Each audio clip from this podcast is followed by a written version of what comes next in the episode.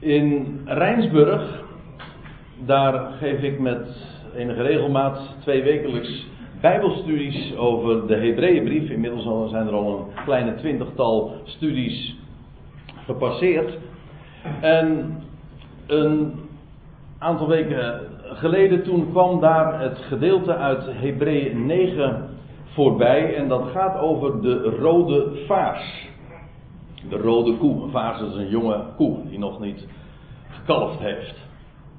En dat is een gedeelte, dat refereert dan weer aan nummer 19. En ik heb toen uh, tijdens die Bijbelstudie een paar dingen daarover naar voren gebracht. Maar ik heb toen ook uh, meteen erbij gezegd van dit vind ik wat onbevredigend om dat allemaal zo kort zo even aan te stippen. Dat zou veel breder even voor het voetlicht geplaatst moeten worden, zodat we echt veel duidelijker ook weten waar we het over hebben. Het betreft een Bijbelgedeelte dat erg onbekend is. En dat is eigenlijk ook wel logisch. Kijk, als je zo'n gedeelte in nummer 19, ik kom er straks natuurlijk ook wat de hele plaatsing van dat hoofdstuk betreft nog even dieper op, uh, op terug. Maar als je zo'n gedeelte leest, laat ik dat dan even ter inleiding ook zeggen. Dan is dat nou niet echt voor ons, met onze Gooise, Gooise of heidense oren, nou niet direct tot de verbeelding sprekend. Kijk, stel je voor, je, was, je hoorde bij dat volk Israël dat uitgeleid was uit het land Egypte. En, en dan, dan krijg je al die woorden te horen die God ook via Mozes aan het volk Israël heeft bekendgemaakt.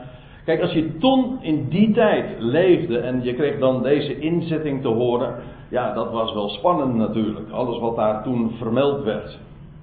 Maar inmiddels zitten wij zoveel duizenden jaren uh, verder daar bevinden wij ons. Bovendien, wij horen helemaal niet bij dat volk Israël. En het is, was ook zo'n totaal andere tijd. Het was ook de tijd onder de wet. Zo heet dat dan in de Bijbel. Dat wil zeggen onder de bepalingen van de wet van Mozes.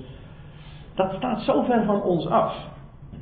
Maar, en nou ga ik meteen even iets anders zeggen. Op het moment dat je er echt kennis van neemt. En dan bedoel ik dus niet gewoon aan tafel uh, als, als een, haast als een ritueel dat leest, dat is ook vaak heel erg saai. En mensen verbazen zich daar soms eh, over als ze dat. En voelen zich misschien een beetje schuldig. Sorry, maar dat, dat spreekt mij niet aan. Nou, in de eerste plaats, het is ook niet direct aan u gericht. ik bedoel, heel de schrift is voor ons, maar niet heel de schrift is direct aan ons gericht. Dus dat, dat gaat ons ook niet direct aan. Maar dan moet ik er nog iets bij zeggen, en dat is dat de schriften ook niet gelezen zouden worden. Er staat in Johannes 5, dat zegt de heer Jezus tegen de, tegen de schriftgeleerden in een, in een polemiek, in een twistgesprek met hem. Dan zegt hij, niet lees de schriften, maar onderzoekt de schriften. Dat is iets heel anders. Je kunt de Bijbel lezen van voor naar achter en van achter naar voor en, en dat met, met, met grote regelmaat zo die cyclus volgen. Maar dat is lezen. Maar het gaat erom dat je gaat onderzoeken, gaat kijken wat staat er precies. Maar dat niet alleen, maar onderzoeken heeft ook te maken met dat je onder gaat zoeken. Dat is een mooi woord, onderzoeken. Dat je onder de oppervlakte gaat kijken en dat je naar de verbanden gaat zien. Waar komt dat nog vaker voor? Want dat is echt wat onderzoeken is. Dat je gaat kijken, waar komt dat nog vaker voor? Wat is de structuur hier? Maar dat is een totaal ander verhaal natuurlijk dan alleen maar lezen. Nou, met dat uh, in gedachten wil ik ook eens vanmorgen uw aandacht vragen voor nummer 19. Over de rode koe, of over de rode vaas en het reinigingswater. Nou laat ik, voordat ik daar nu op inga, en ik heb al een, inmiddels een inleidende opmerking gemaakt, maar ik wil er nog één maken en dat is deze. En ik zei al, ik, was bezig met, ik ben bezig met een studiecyclus over de Hebreeënbrief. En dan komen we binnenkort te spreken over Hebreeën 10, vers 1. En daar lees je dit. En dat is ook iets wat je heel goed in gedachten moet houden als je bezig bent met een gedeelte, een passage uit de Mosaïsche wetgeving. Daar staat dit in Hebreeën 10. Want daar de wet een schaduw heeft van de toekomstige goederen. Goederen, dat is het meervoud eigenlijk van goed. Dus eigenlijk is het goede dingen. Het heeft dus niks te maken met artikelen, maar de, het heeft een schaduw van dingen, goede dingen, die in de toekomst liggen. Maar het is een schaduw. En dat is een, een karakteristiek van de Mosaïsche wet.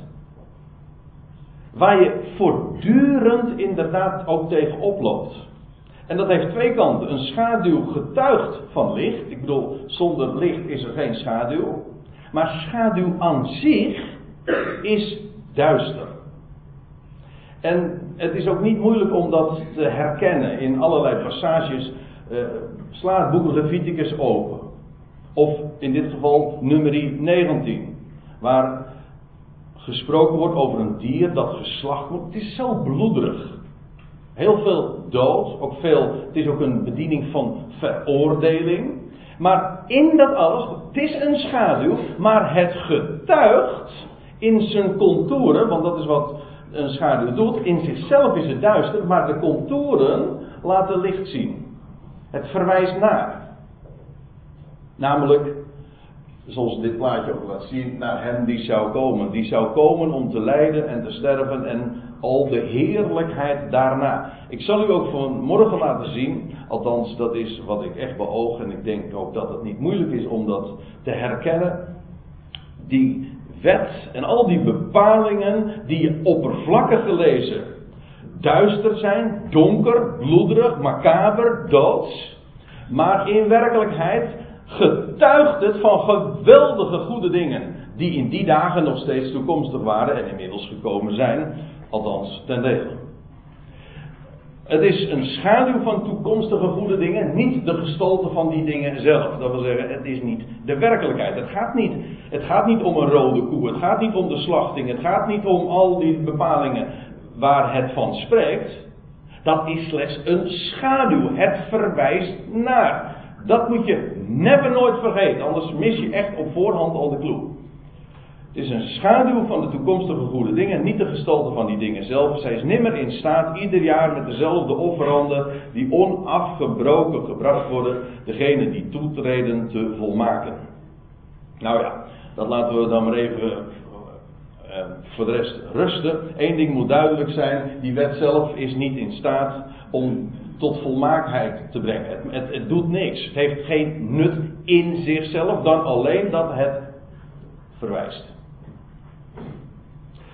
Dat is een heel belangrijk gegeven. Gewoon op voorhand. En met die aantekeningen gaan we dan vervolgens naar nummer 19 toe. Nou, laten we het maar wat uh, systematisch aanpakken. Dan kijken we in nummer 19 en daar, ja goed, dan, dan betekent dus dat je inmiddels 18 hoofdstukken al uh, gehad hebt. En laten we eens even zien wat daar staat in het voorafgaande, want de plaats van dat hoofdstuk dat is wat ik het eigenlijk ook mee wil aangeven, is niet willekeurig. Het is niet zo dat dit net zo goed aan het begin van het boek zou kunnen staan. Het, is, het, heeft, het heeft een plaats gekregen van de plaatsen, die ook dat hoofdstuk een eh, speciale locatie binnen dat boek geeft. Uh, in hoofdstuk 8, uh, 16 vind je de, de opstand van Korach, Datan en Abiram, die het hoge priesterschap van Aaron betwisten en het leiderschap van Mozes. Hoofdstuk 17 vind je de prachtige geschiedenis. Kort hoofdstuk, maar waarbij eh, het hoogpriesterschap inderdaad ook van Aaron betwist wordt. Maar God geeft het bewijs wie de hoge priester is van zijn keuze. Namelijk door een dode staf tot bloei te brengen. Dat wil zeggen, leven uit de dood voor te brengen. Hij is de hoge priester. Schitterende betekenissen liggen daarin opgesloten. Maar Goed, daar uh, hebben we het nu verder niet over. Dat is hoofdstuk 16 en 17. Hoofdstuk 18 is min of meer een appendix daarvan. En dan krijg je uh, het navolgende, dus na hun nummer 19. Daar wordt beschreven de dood van Miriam, de, broer, pardon, de zus van Mozes. En ook de dood van Aaron, de broer van uh, Mozes. Zodat dit hoofdstuk, ook, dit hoofdstuk, ik bedoel nummer 19 uh, ingebed is in eh, en zich bevindt te midden van hoofdstukken die eh, ook in hoge mate gaan over het verschijnsel van dood en doden. Mensen die doodgaan. Dat vond je trouwens ook in, in hoofdstuk 16 nogal duidelijk. Als de aarde zich opent voor, deze, voor dit gezelschap. Dus als je hoofdstuk 19 uh, aantreft, dan is dat een hoofdstuk dat gaat over allemaal hoofdstukken, uh, of dat is omgeven door hoofdstukken die gaan over de dood. Maar het hoofdstuk 19, en dat moet toch duidelijk zijn, dat gaat zelf ook over leven te midden van de dood.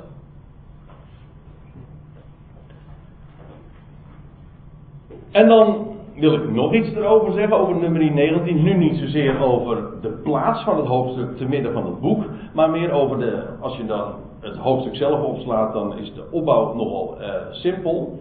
Namelijk, de eerste telt in totaal 22 versen en het meeste daarvan wil ik toch in ieder geval even aanstippen vanmorgen. Maar de eerste 10 versen gaan over de bereiding van reinigingswater.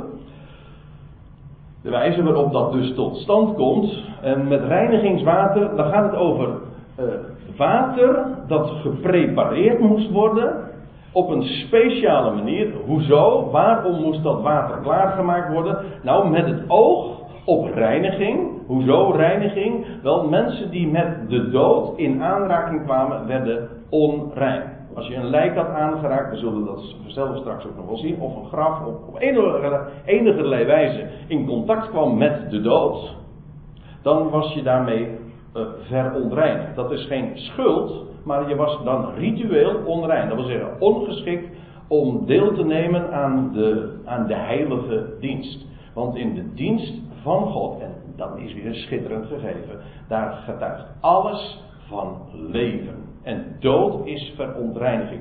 Wie in aanraking kwam met de dood, in welke zin dan ook, wel, die zou gereinigd worden. Door reinigingswater, of water ter ontzondiging, of nou ja, dat soort details die laat ik maar even rusten. Maar in ieder geval, dat moet wel duidelijk zijn.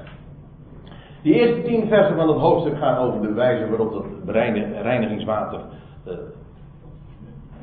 bereid wordt. En dan vervolgens de, de navolgende versen tot het einde van het hoofdstuk 11 tot en met 22 gaan over de wijze waarop dat reinigingswater wordt toegepast. Hoe dat gebruikt werd en met het oog waarop en hoe, et cetera. Dus de toepassing van dat reinigingswater.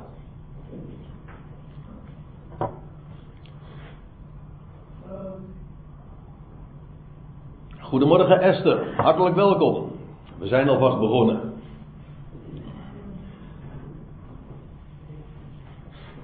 En dat dus over, de, over nummer 19 zelf. Nou, laten we maar eens uh, de koe bij de horens vatten. Dat lijkt me heel aardig in dit geval. En de rode loper uitleggen, dat kan ik ook nog even zeggen. En dan treden we het hoofdstuk binnen. Nou, daar staat in vers 1 dit. Voor de rest uh, heb ik de, wil ik de opbouw heel simpel houden en namelijk gewoon de, de versen bespreken, of in elk geval even aanstippen, kort toelichten wat daar zo besproken wordt. De Heer nu sprak tot Mozes en Aaron. Dit is het wetsvoorschrift dat de Heere, Jaweh, eh, gebied spreekt tot de Israëlieten. Dat zijn dus niet wij, maar dat zijn Israëlieten. En nou, daar heb ik al wat over gezegd. Maar wat moest hij zeggen? Wat moest er worden gedaan? Dat zij u een rode gave koe brengen, waaraan geen gebrek is en die geen juk gedragen heeft. Een rode koe, een rode vaas. En het is grappig, maar uh, ik heb dat uh, van de week eens gedaan. Trouwens, al veel eerder was ik daarvan op de hoogte gebracht. En misschien heeft u er ook wel eens wat over gelezen. Maar dit is een heel item binnen het Jodendom, het huidige Jodendom ook. Want u weet, er zijn uh, heel veel websites die daar ook over gaan, maar ook er zijn zoveel activiteiten voor over het tot stand laten komen van een, een, nieuwe tempel daar in Jeruzalem. De Joden zijn er natuurlijk uiterst ontevreden over, over het feit dat daar geen tempel staat. Ze zijn teruggekeerd naar het land, althans, nou ja, wat daarvoor doorgaat. Er is een Joodse staat. Jeruzalem is in Joodse handen sinds 1967. Maar daar staat die akelige tempel van de, de moslims, of in ieder geval dat heiligdom. En nou ja, hoe dat verder moet, dat is, nog, dat is echt een heel verhaal apart. Daar wil ik het nu niet over hebben. Maar eh, één ding is, het moet duidelijk zijn: daar moet weer een Joodse eredienst gaan komen. Dat vinden Joden trouwens, en de schrift zegt: het gaat ook gebeuren. Hoe dan ook. Ik, ik, plak daar nou geen moreel oordeel aan vast of dat goed of fout is, daar gaat het even niet om. Het zal gebeuren. Maar met dat die tempel weer gebouwd zal worden en alles is al, en dat is ook wel aardig een woordgebruik, alles is al in kannen en kruiken. Alles ligt al klaar.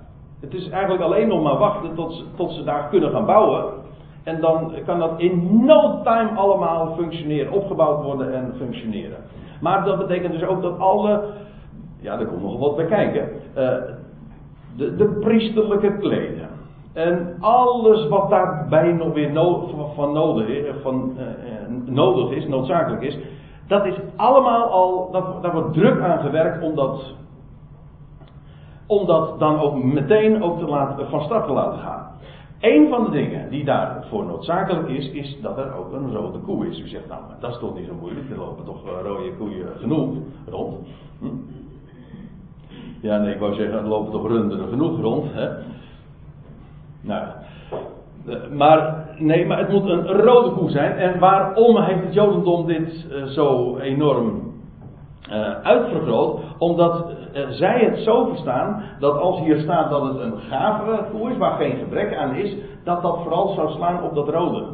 Dus het moet echt een volmaakt rode, rode koe zijn. Nou, dat moet je tegen een Jood zeggen, een orthodoxe Jood. Want dan gaan we het ook echt rood maken. Want die wordt, daar wordt echt op geteeld en gekweekt. Hoe zeg je dat? Uh, maar in elk geval, er moet een rode koers en daar, dan, wordt echt op de, met de loep naar gekeken. Er mag geen zwart haartje tussen zitten. En die is er, hè? Die, die rode koe is er. Dat was een enorme happening, want ja, u, u weet, geen, geen, geen, hoe zeggen ze dat ook wel? De, puntje, puntje, puntje, waar geen vlekje op zit. Hè? Oh ja, er is geen koe zo bond of er zit wel zo'n vlekje aan. Er zit wel een vlekje aan. Ja, nou dat geldt hier dus ook voor. Uh, maar waarachtig, men heeft zo'n rode vaas inmiddels. En er zijn er, al, uh, er zijn er zelfs al meerdere, zijn, heb ik begrepen. Maar in elk geval, uh, er is heel veel informatie over die rode koe. Over die jonge rode koe. Ja, u, u begrijpt natuurlijk ook wel, hij blijft niet jong. Dus vandaar ook dat dat een item blijft. Uh, maar goed, dat is even wat het Jodendom er vandaag mee doet. Maar dat is niet waar ik uw aandacht vooral voor wil vragen. Het gaat mij om de betekenis. Hoezo rood? Nou, het, woord rood in het Hebreeuws, dat is Adom. U kent het trouwens nog van Edom. Edom, die andere naam van Esau, die daar in het rode gebergte van Edom, waar Petra ook gelegen is, uh, zich ge, ge, gestationeerd had. Eh, en in ieder geval, dat was het rode gebied. Rood. Daar had Esau trouwens ook wat. Hè? Dat rode daar. Maar goed. Uh, Edom, dat is rood. Dat is dat woord wat hier dus ook gebezigd wordt. Maar Adom, het is heel opmerkelijk hoe dat in de, Hebreeuws is opgebouwd. En de associaties die dat ook in het Bijbels Hebreeuws oproept. Als je rood zegt in het Hebreeuws, als een Israëliet dus spreekt over rood, Adom, dan denkt hij daarmee ook meteen aan Adama. Waarbij, je, waarbij ik erbij moet zeggen dat, uh, dat die klink, klinkers voor ons heel belangrijk zijn, maar in het Hebreeuws niet. Dus die klinkers kun je eigenlijk nog zelfs wegdenken. Dus de medeklinkers zijn ongeveer identiek. In ieder geval, Adom heeft alles te maken met de aarde, de rode aarde. Het heeft ook te maken met het woord dam. Alleen het eerste lettertje af te halen, dan hou je het woordje dam over en dat is. Um, dat betekent dus inderdaad bloed.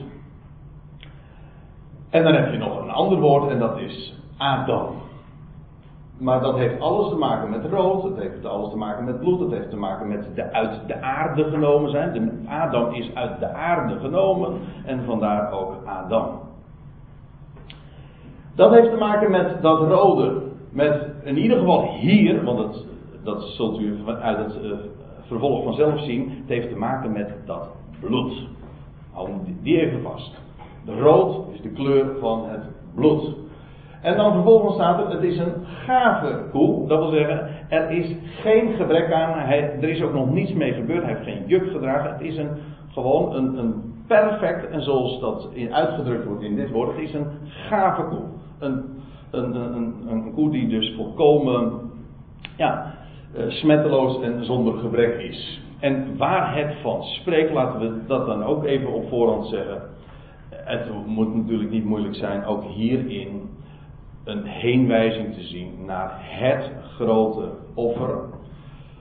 Ik zeg dat nu even tussen aanhalingstekens, want strikt genomen is deze rode koe niet eens een offer, maar hij wordt in elk geval geslacht. Naar het, laat ik het dan anders zeggen, het slachtoffer dat zou komen. Een slachtoffer, dat is in het algemeen in de Bijbel, dat was maar niet zo'n afdankertje, zo van nou ja, we halen de zieke uit de kudde en die is dan wel goed voor God. Nee, het moest het beste zijn gaaf, volmaakt. Dat is het idee. Wel dat verwijt. En al zodanig kon hij ook functioneren, of zij in dit geval, als een slachtoffer. Het moest volmaakt, smetteloos zijn. En verwijst uiteraard, maar dat hoef ik er eigenlijk niet eens bij te zeggen. Daar ga ik op voorhand al vanuit dat we dat begrijpen. Naar hem die zou komen. Die gaaf was, zonder gebrek. En het enige wat dan wel verbaast misschien is dat het in dit geval een koe betreft. En dat is eigenlijk heel opmerkelijk. Een koe, dat wil zeggen een vrouwtje dus. Want in dit geval was het zelfs verplicht vrouwelijk. En dat is uniek. Kijk het maar na in Exodus, Leviticus of Numeri. Daar vind je dat nooit. Dat een offerdier vrouwelijk moest zijn. In bepaalde gevallen mocht het vrouwelijk zijn. Maar in dit geval moest het vrouwelijk zijn. En meestal, bijvoorbeeld, een, dat is in tegenstelling tot een brandoffer. Een brandoffer in de Bijbel is altijd en per definitie mannelijk.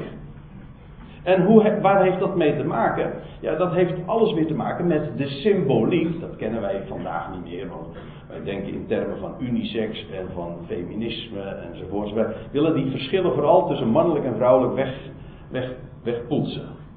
En ik ben zo blij met het verschil juist, hè? denk ik dan. Ja, maar, en het heeft in de Bijbel een geweldige betekenis. Mannelijk, vrouwelijk.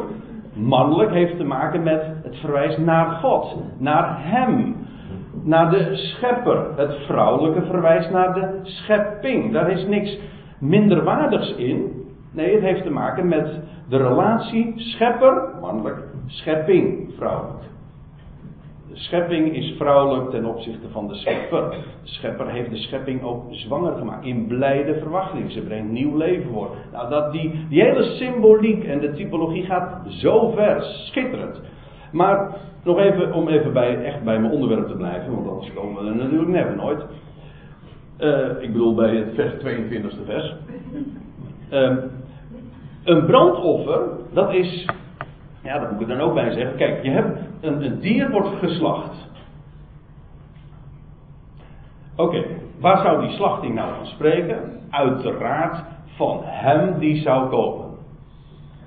Die geslacht die stierf. Een volmaakt iemand, weliswaar, moest hij ook zijn, maar hij werd geslacht. Eigenlijk is dat een groot onrecht. Dat je een volmaakt dier, dat prima was, dat dat geslacht wordt. Maar ook dat is weer typologisch, want het feit dat hij, de volmaakte, stierf en geslacht werd, dat was ook het grootste onrecht dat ooit heeft plaatsgevonden. Maar mensen zeggen dat is dan het offer. Golgotha, dat spreekt van het offer. Uh -uh, dat is niet waar. De slachting is niet het offer. Sterker nog, dat is helemaal nog niet het offer. Het, het was noodzakelijk voor het offer. Eerst voordat iets, een dier, een offer werd, moest het eerst geslacht worden. De slachting zelf is niet het offer. Golgotha is niet het offer. Ik weet, er zijn tal van liederen enzovoorts die dat dan zo zeggen. Het offer van Golgotha. Dat is niet naar de schrift. Hij werd geslacht. Dat is niet het offer. Wat de, offer is, is dat wat na de slachting plaatsvindt. Eigenlijk zo logisch als wat. Een dier werd geslacht en vervolgens Na de slachting kwam het op een verhoging, dat is een altaar. En steeg het op, goden staat er dan altijd bij, tot een liefelijke reuk. Dat was een brandoffer. Maar het gaat over dat wat er gebeurt na de slachting. Dat is voor God een liefelijke reuk. En zo zie je dat zo'n offer, dat zo'n dier wat daar lag op dat altaar, en dat ging dan in rook op. Wij zeggen, zouden zeggen dat stinkt. Nee, maar het was voor de Heer een liefelijke reuk. Waarom? Aan zich? Nee, natuurlijk niet. Het gaat niet om dat gebeuren aan zich, maar waar het naar verwijst. Het is een schaduw. En het spreekt van wat er na de slachting gebeurde. Het spreekt over de derde dag. Het spreekt over nieuw leven. Over hij die uit de doden verrees en Heer is. En nou ben ik eindelijk bij mijn punt, want dat is waar het namelijk van spreekt. Het brandoffer heeft te maken met het feit dat hij aan hem de heerschappij toekomt. Hij is de Heer. Maar u weet dat Heer en heerschappij en heersen mannelijke begrippen zijn. Het, ik bedoel, het woordje, ons werkwoord heersen komt van Heer, maar een Heer is een mannelijk begrip. Dat hoef ik toch niet uit te leggen. Nee, ik ben niet van de SGP. Maar uh, het idee van dat heersen en heerschappij een mannelijke functie is, en dat is geen ethiek wat ik nu zeg, dat is gewoon symboliek. Heerschappij is een mannelijk activiteit. Nou, daar heeft het brandoffer mee te maken. Vandaar dat een brandoffer per definitie mannelijk is. In dit geval gaat het niet om heerschappij. Dit dier dat geslacht werd, gaat niet, het was ook geen offer. Het gaat puur om het feit dat, hij dat dat dier, vrouwelijk, vernederd werd. En daar spreekt die rode koe van. Van vernedering. Niet van heerschappij, maar hij, van, het spreekt van hem die buiten de legerplaats, hou me even vast, want we komen daar nog over te spreken, buiten de legerplaats vernederd werd en gekruisigd en stierf. Onrein. Onder smaadheid. Wel, daar heeft die, uh, die waarheid van die rode koe mee te maken. Het is vrouwelijk. Spreek dus niet van heerschappij, maar van vernedering. Goed. En dan. Vers 3. En gij zult haar, die rode koe aan de priester Eleazar geven. Dat is eigenlijk de tweede priester. De, eerste hoge priester was Aaron, de tweede was zijn zoon. De tweede hoge priester. De nieuwe hoge priester. Nou, nee, ik ga het niet toelichten, maar dan vervolgens, dan zal men haar, haar, dus die rode koe nog steeds, buiten de legerplaats brengen en haar in zijn tegenwoordigheid slachten. Dit was niet een werk dat de priester zelf moest doen. Nee, het werd in zijn tegenwoordigheid gedaan. Meer niet. Maar waar, waar hier de nadruk op gelegd wordt, het, is op het feit dat het buiten de legerplaats ge, geschiedde. Het was namelijk onrein. En buiten de legerplaats, ja, wat betekent dat? Nou, wat daar hoeven we niet over te fantaseren, want ik neem u even mee naar, nummer, naar Hebreeën 13. Weer die Hebreeënbrief. Hebreeën 13, daar lees je dit. Dat is het laatste hoofdstuk van die brief. En daar lees je dit. want die, die, die frase, buiten de legerplaats, die vind je heel dikwijls zo terugkeren in de Mosaïsche wetgeving. En dan staat dit als commentaar van de schrijver van de Hebreeënbrief. Want van de dieren waarvan het bloed als zondoffer door de hoge priester in het heiligdom werd gebracht. Het gaat hier trouwens specifiek over, de, over Yom Kippur, grote zondag. Werd het lichaam buiten de legerplaats verbrand. Daarom heeft ook Jezus ten einde zijn volk, Israël, door zijn eigen bloed te heiligen, buiten de poort geleden. U weet toch? Jezus heeft niet in de stad geleden, maar buiten de legerplaats. Buiten de poort. En als u mij vraagt, dan loop ik even vooruit op wat, uh, wat ik straks nog ook zal laten zien. Als u mij vraagt, maar dat is een onderwerp apart. Op dezelfde locatie waar ook deze rode koe geslagen werd.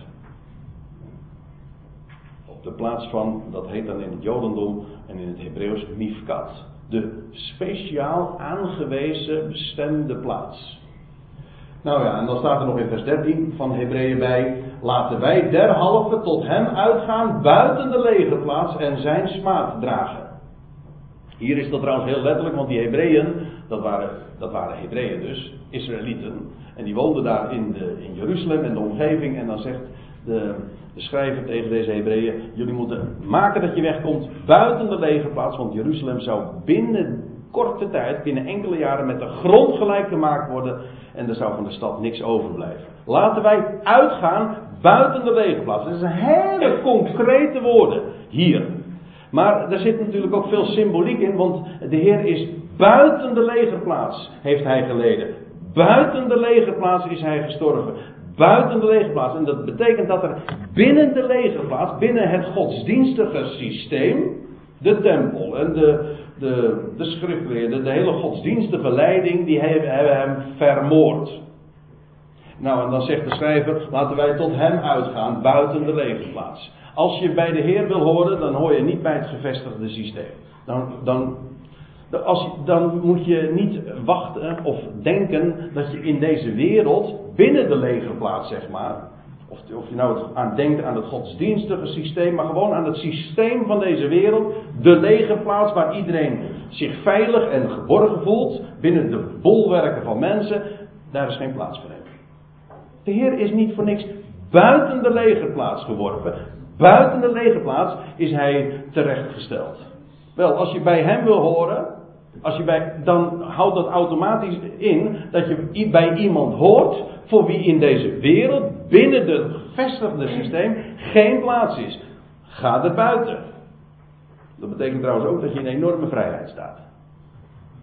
Dat je niet te maken hebt met het juk van het systeem. Maar denk nou niet dat dat een plaats van eer is. Laten wij buiten, tot hem uitgaan, buiten de legerplaats en zijn smaad dragen. Maar zulke smaad is onze eer. Het gaat hier dus over buiten de legerplaats. Daar leed de Heer. Een, een plaats van vernedering, van smaad. Wel, dat is heel karakteristiek voor nummer 19. We zullen het diverse keren tegenkomen. Buiten de legerplaats. Een onreine plaats. Waar iedereen ook zijn neus over eh, ophaalt. Goed. Eh, ik ga weer even terug, want uh, naar nummer 19. Goed, we hadden het dus over dat die, die, die rode koe geslacht werd voor de ogen van die priester, dus buiten de legerplaats. Dan zal de priester Eleazar met zijn vinger van haar bloed nemen en van haar bloed zevenmaal, zeven heeft in de Bijbel altijd te maken met compleetheid, voltooiing. Het Hebreeuwse woord voor zeven betekent ook volkomen. Sheba. Goed. En met haar bloed zevenmaal sprenkelen in de richting van de voorzijde van de tent der samenkomst. U moet zich voorstellen, deze, deze instructie werd gegeven door Mozes op, de weg, op weg naar het beloofde land in de woestijn. En daar was nog geen tempel, daar was een tabernakel. En dus die sprenkeling vond plaats in de richting van de voorzijde van de tent. Dat is gewoon dus gekeerd naar het oosten. met recht dus georiënteerd. Oriënt betekent oosten. Dus gericht op het oosten. Want die ingang van, de, van die tent, die, die wees naar het oosten. En waarom heb ik nou dit, plekje er, uh, dit plaatje erbij gedaan? Omdat dat zo boeiend is. Dat moet ik er even bij vertellen. Waarom? Kijk, uh, laten we er even van, gemakshalve van uitgaan. Dit is de tempellocatie. Ik denk niet dat dat helemaal klopt, want ik geloof dat dat hier ligt. Maar goed, daar zullen we het verder niet over hebben. Maar in ieder geval, als je vanaf de tempellocatie naar het oosten kijkt, wat kijk je dan naar? De Olijfberg. En in elk geval, die, als, die hoog, als, die, als die priester dan dat, dat bloed ging sprenkelen, zevenmaal, dan wees hij dus eigenlijk naar het westen. Waarom? Ja, u begrijpt dat nu toch waar ik het over heb. Dat hij, hij wees naar het westen, omdat die ingang van de tent uh, uh, georiënteerd was, gericht was op het oosten. In de Bijbel is alles gericht op het oosten, de oorsprong. Waar de zon opgaat, weet u wel. Het licht, waar het licht verschijnt, waar de nacht verdwijnt. Daarop is, is het gericht. Maar, hoe was het later in het Jodendom geregeld? Eigenlijk kon je het vanzelf ook uh, wel zoiets voorspellen. Namelijk dat die plaats buiten de legerplaats. Dat was dus in het oosten. Dat wil zeggen, richting de Olijfberg. En hier ligt, en er zijn heel veel plaatsen ook in eh, allerlei oude antieke Joodse documenten die dat direct ook bevestigen. Het, de plaats waar de, de rode vaars geslacht werd en waar al die rituelen plaatsvonden, dat was inderdaad op de Olijfberg. Dat noemden ze Mifkat, het Mifkat-altaar. Heel boeiend, maar in ieder geval op de Olijfberg. En ik geloof ook dat de Heer letterlijk hier op de Olijfberg, ik weet dat is hoogst ongebruikelijk om zo te denken. Iedereen weet, de Heer heeft geleden buiten de legerplaats, maar ze denken allemaal in deze, deze richting. Of in deze richting, maar het is precies in de oostelijke richting. Dat ligt ook, laat ik, het, laat ik me nu even morgen beperken tot typologisch argument. Namelijk in het oosten. Daar hoort het. Vrij logisch. En andere argumenten, dat, uh, daarvoor daar moeten we het maar eens een keertje over hebben. Trouwens, op de, in het Goed Bericht Weekend zullen we daar zeker nog wel op terugkomen. Dat Goed Bericht Weekend, dat is het laatste weekend van mei. Dus als u geïnteresseerd bent, u kan, u kan zich nog optrekken. Er zijn nog wel plaatsen vrij. Dus dat was in, dat buiten de leegplaats was in de oostelijke richting. Dat is even uh, genoeg hier uh, over te vermelden. Ik moet verder gaan. Daarna zal men de koe voor zijn ogen tot as verbranden. Haar huid, haar vlees, haar bloed zal men met, met haar mes, dat wil zeggen niet alleen met de uitwerpselen, maar ook met alle, de maaginhoud, gewoon alle etensresten, gewoon totaal verbranden. Dit is, feit, dit is geen offer. Is ook niet voor de Heer een liefelijke reuk. Dit, was, dit was ook, vond niet plaats op een altaar. Dit vond niet plaats door de priester. Een offer mocht alleen door de priester gebracht worden. En bovendien, nooit lees je dat bloed ook verbrand wordt. Dat dit dier werd dus in zijn totaliteit, ook met huid en haar, ja, letterlijk, verbrand. Uniek, vind je nergens. Dit is dus strikt genomen geen offer. Dit gaat alleen maar om slachting. En dat dier werd vervolgens gecremeerd. En dat is precies ook, dat bevestigt waar we het over hadden. Namelijk dat het een, een uitbeelding is van vernedering. Ik weet ook wel dat de Heer niet gecremeerd is, naar, hij is begraven. Maar in beeld, eh, dat is, dat is hier het idee. Een crematie is altijd in de Bijbel een beeld van vernedering. Iets wat wordt in ere, wordt het aan de aarde toevertrouwd. Maar als iets gecremeerd wordt, dat wil zeggen als het verbrand wordt, dan is dat eigenlijk het idee van het gaat in rook of er blijft niks van over. Dat is een vernederend symbool. Ook dit is, bedoel ik niet als ethiek, maar gewoon, dit is bijbelse typologie, symboliek. Als je dat eenmaal weet, dan ja, ga je al, anders over dingen denken. Ook, eh, ga je ook uh, anders denken over waarom begraven. Ja, dat heeft een betekenis, natuurlijk. Nou, in elk geval, dat, dat dier werd dus tot as verbrand, inclusief huid, haar, bloed, as, met haar mest, etc. Daar buiten de legerplaats. En de priester zal cederhout, hyssop en scharlaken nemen en dat midden op de brandende koe werpen. Die priester had verder, die stond erbij en die keek ernaar. Maar hier deed hij wel iets en dat is, hij uh, wierp daarop cederhout. Ceders, weet, weet, weet u waar ceders vandaan komen? weet u wel hè. Uit de Libanon. Ja. Het is uh, zeer elegant hout. Het is, uh, het is het duurste hout wat je in de Bijbel aantreft.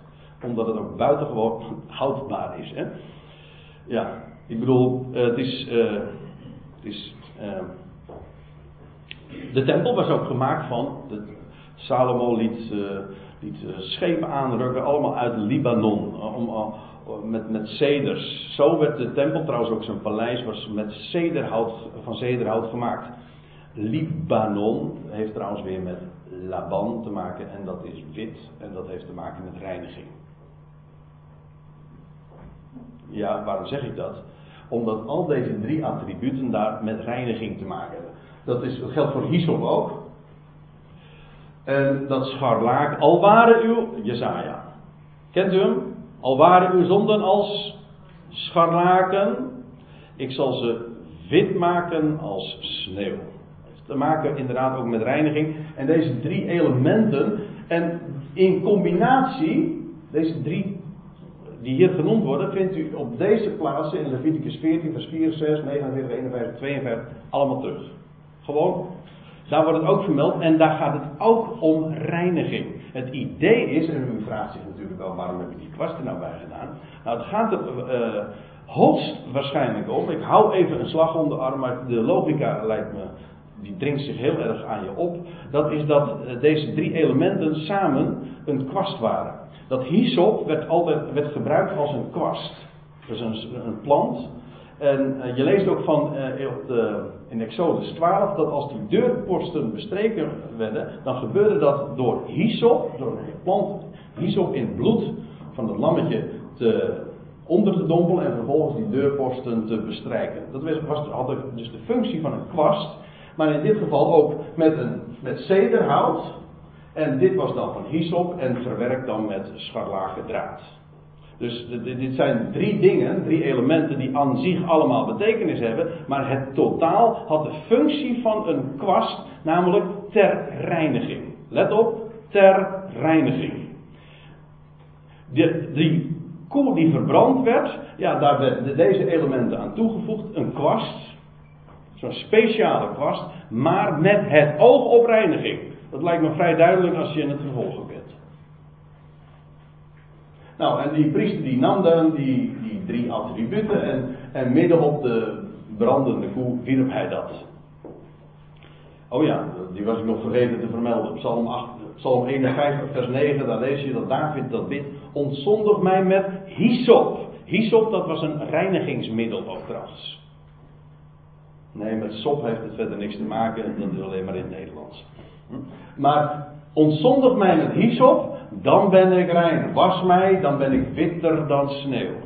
Later komen we in dit hoofdstuk trouwens hyssop nog een keertje tegen. In hetzelfde reinigende verband, in die context. En dan, nou sla ik even een vers over, want ik kan nu eenmaal niet op alle details ingaan, want ik zie dat het inmiddels alweer tien over elf geweest is. Dus we moeten doorgaan. Dan zal een rijnman de as van die koe verzamelen en buiten de legerplaats op een reine plaats neerleggen. Allemaal buiten de legerplaats. De as, dat wil zeggen dat wat overblijft van die koe. Dat wat overblijft van dat slachtoffer. De stoffelijke resten van, die of, van dat offer, van dat slachtoffer. Die worden bij, die, dat wordt bij elkaar gebracht en dat zou op een reine plaats neergelegd worden buiten de lege plaats. Wie dat later gedaan heeft, historisch gezien, dat is niet zo moeilijk, ik vermeld zijn naam hier ook. En dat is Jozef van Arimathea. Die heeft inderdaad de stoffelijke resten van dat volmaakte offer dat buiten de lege plaats geslacht en verbrand is, in vernedering, wel die heeft ze bij elkaar gebracht. Kijk, as, en dat is nou ook weer zo'n mooi voorbeeld van, van een schaduw. As, ja, wat is as? Verbrande turf, zeiden ze dan. Hè? Maar, wat, maar as, dat, eh, dat, dat, dat, dat, het restant, het idee is juist, dat is wat overblijft van dat slachtoffer. Dat is ook hier in schaduw, is dat doods. Dat lijkt me nogal duidelijk. Hè?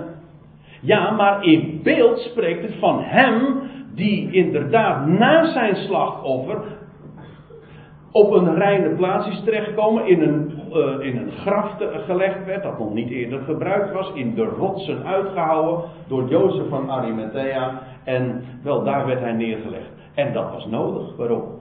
Er staat erbij, uh, en buiten de legerplaats op een reine plaats zal dat worden neergelegd. Ja, opdat zij voor de vergadering der Israëlieten bewaard blijven, ter bereiding van het water der reiniging. Het is een middel tot ontzondiging.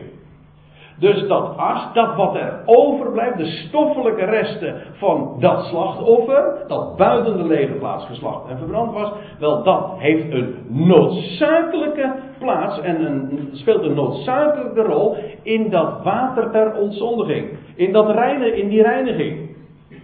Het gaat hier over het lichaam van het slachtoffer. Ik bedoel van de Heer Jezus Christus, die na zijn slachting Een geweldige rol zou gaan, zou gaan spelen. En ja, nou, ik zou zeggen, dit, dit symbool, die weggewendelde steen zegt alles.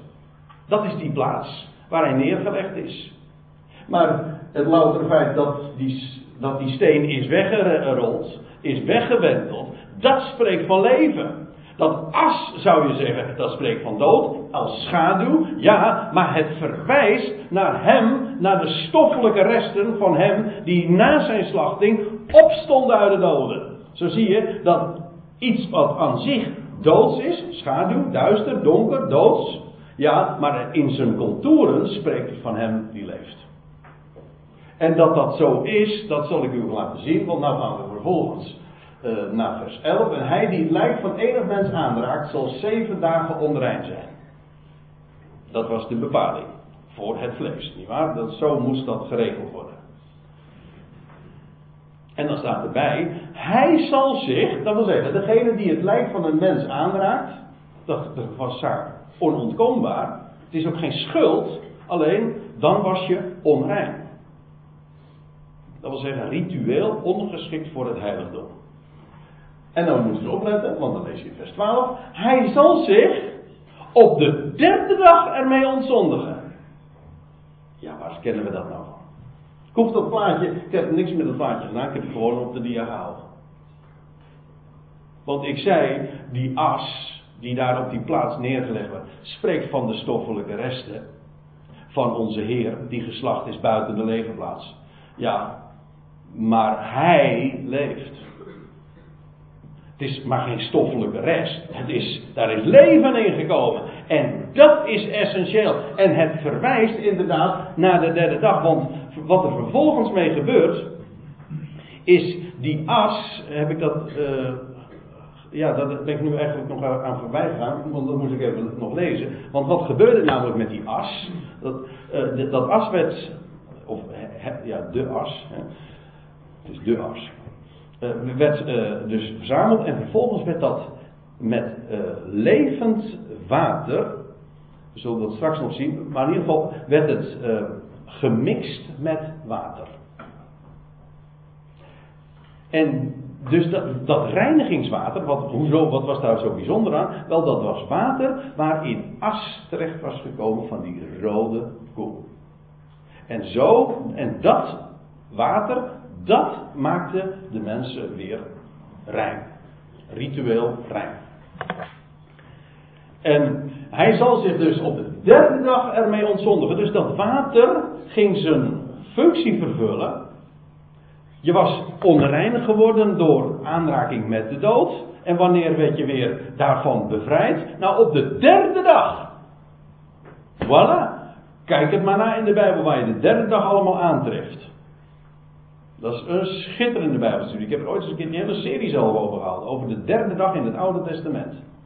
En altijd weer. Of, of je nou in Genesis of in Exodus of in de, in de profetische boeken. Altijd heeft de derde dag te maken met nieuw leven. Met die weggewentelde steen. Alles is daarop gericht. De overwinning op de dood. Wel, hier lees je dus iemand is besmet door de dood. Hoe word je daarvan gereinigd? Op de derde dag. Nou, wanneer word je daarvan gereinigd? Op de derde dag. Door water. Water dat gemixt is met dat as. Van dat slachtoffer.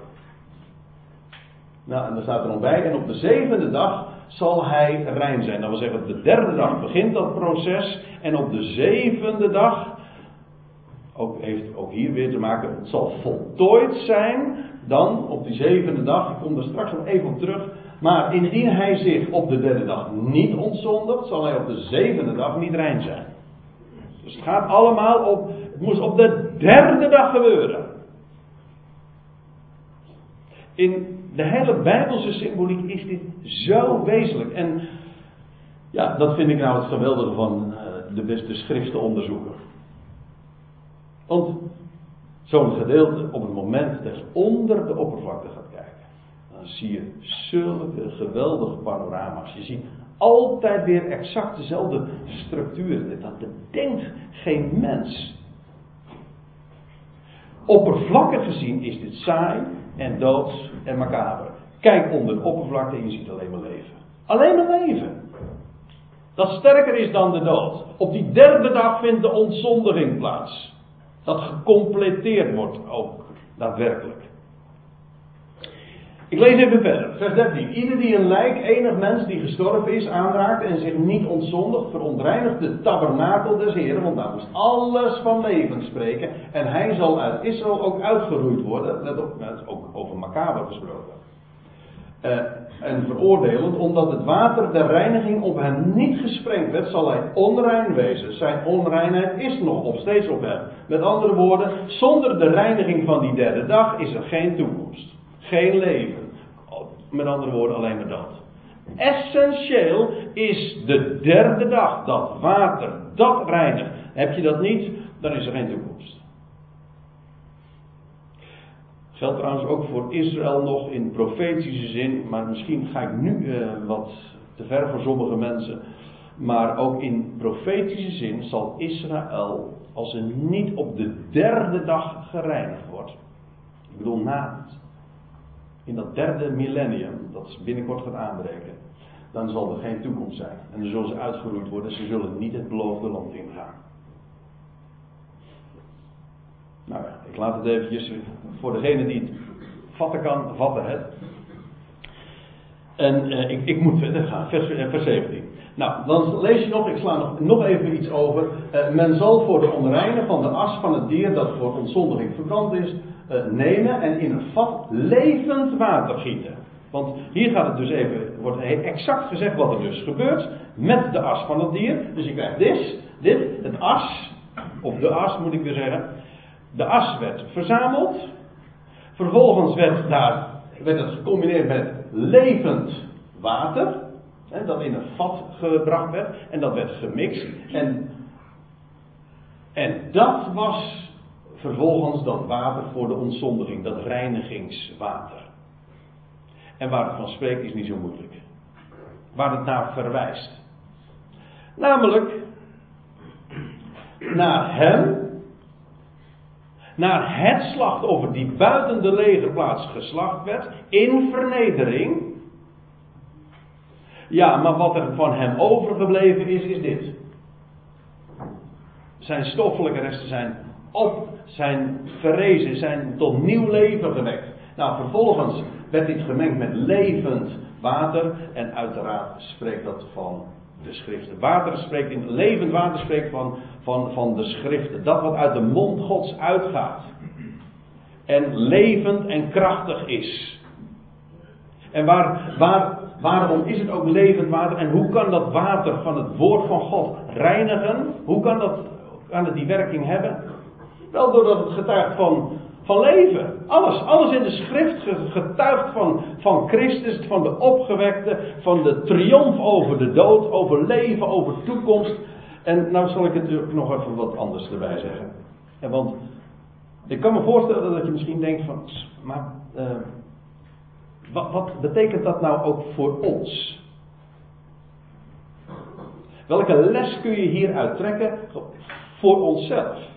Nou laten we gewoon, laten we maar vaststellen, we leven allemaal in een doodse wereld. Ik bedoel gewoon dit. We, in een wereld die geregeerd wordt door de dood. We zijn allemaal stervelingen. Mensen hebben ook geen weet van leven. Ja, wat zij leven noemen, dat is in werkelijkheid gewoon sterven.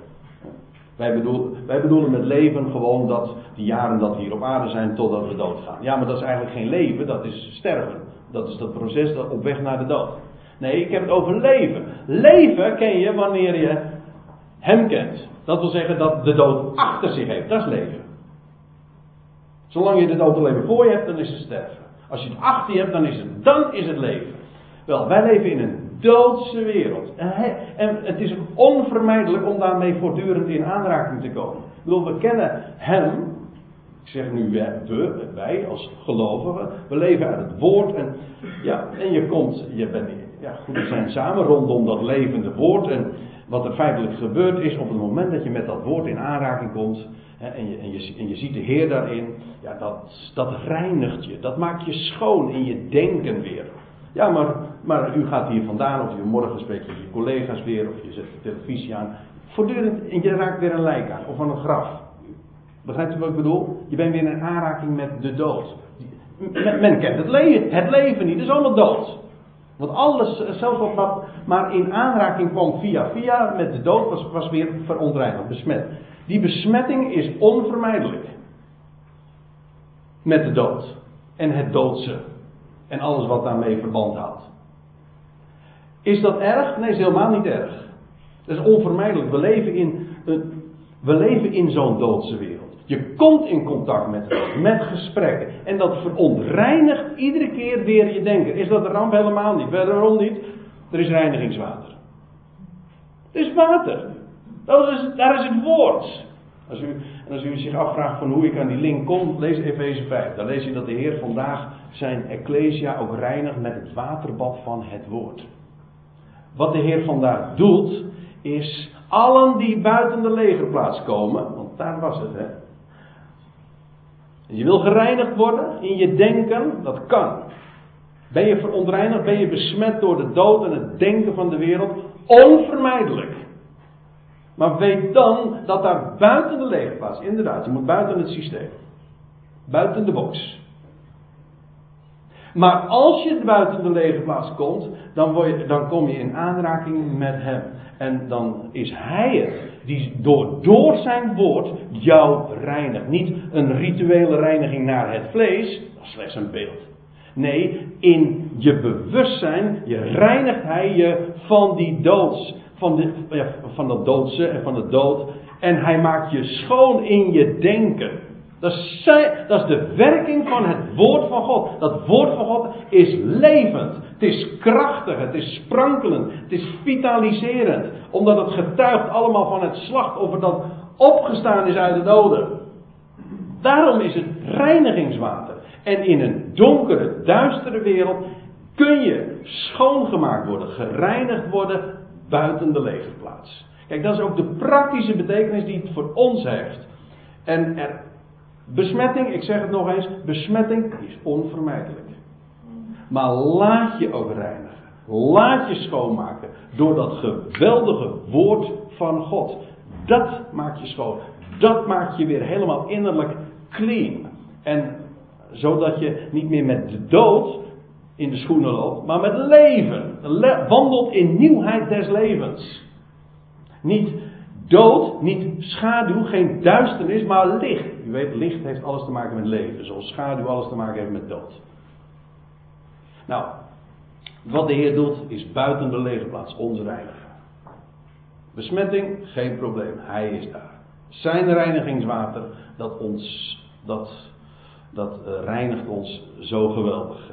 Dat is de kracht van het levende woord van God, vandaag. Ik lees nog even, even verder. Ja, ik moet nog echt uh, aanstal maken. Dan zal een reine man hyssop nemen. En nou, we hadden het toch over die reinigende werking hyssop. Dan zal een rein man hyssop nemen, dat in het water dopen en dit sprenkel op de tent. En op al de vaten, op de personen die daarin zijn en op degene die het gebeend of de, of de gedode of het lijk of het graf heeft aangeraakt. Dus op enige wijze in het, met de dood in aanraking gekomen is. Wel, op het moment dat, dat je in aanraking komt met dat water, dat reinigingswater, dan ben je daardoor uh, gereinigd. En de reine zal op de derde dag en op de zevende dag uh, de onreine, dat wil zeggen degene die besmet was, besprenkelen en hij zal hem op de zevende dag ontzondigen. En hij zal zijn klederen wassen, zich in water baden en des avonds rein zijn. Dat is echt. Want er wordt hier gesproken over de zevende dag. Maar het was in de avond van de zevende dag. Dus, u weet hoe dat gaat, hè?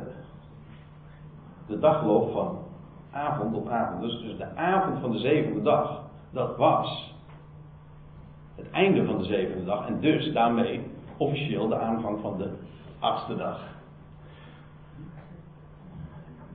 Ja, de avond is al die rein zijn. Dat wil zeggen na de zevende dag de achtste dag. Maar dan wordt het plaatje helemaal uh, uh, mooi. Want we hadden het over de derde dag. Heeft te maken met uiteraard die weggewentelde steen. Op de derde dag verrees hij uit het graf.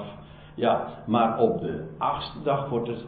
Ja, de zevende dag wordt het gecompleteerd, maar op de achtste dag is het een realiteit. En de acht in de Bijbel heeft altijd te maken met een nieuwe schepping.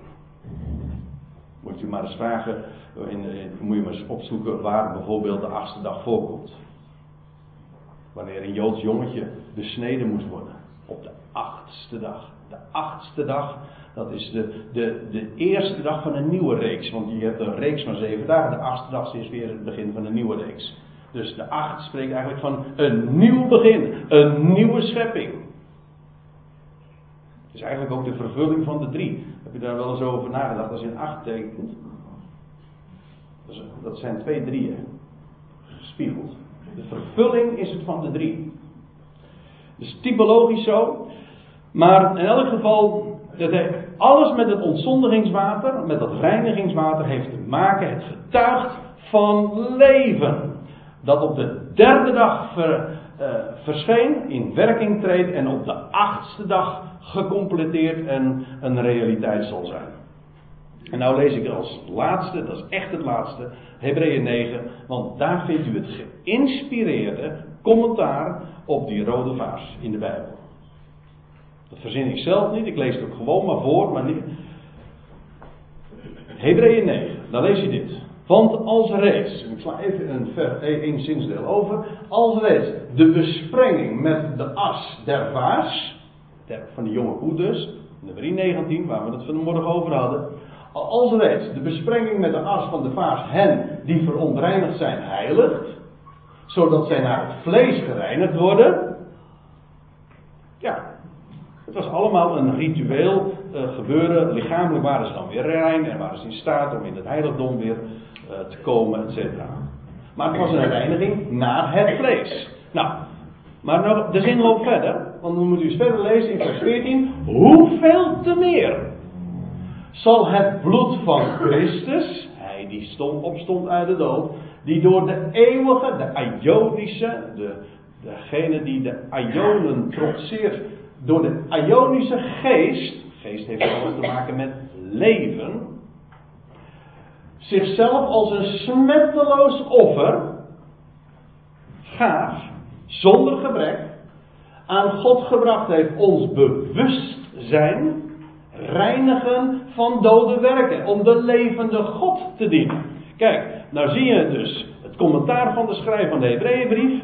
Die zegt, kijk, die rode vaas en het reinigingswater, dat reinigt je naar het vlees. Ja, maar dat is slechts een beeld van hem, dat smetteloos offer, die ons bewust zijn, niet vlees, maar gewoon van binnen, ons denken, reinigt van alles wat men met dood te maken heeft. Waarom? Op, zodat we niks meer met de dood, met de zonde of met de wet of et cetera van doen hebben. We hebben een levende God. Een God die leeft, een God die leven geeft en die alle dood teniet doet. Namelijk ooit op de derde dag overwon hij de dood en straks in een nieuwe schepping, de achtste dag, zal dat allemaal realiteit zijn. Zo leven wij, zo worden we gereinigd. Amen.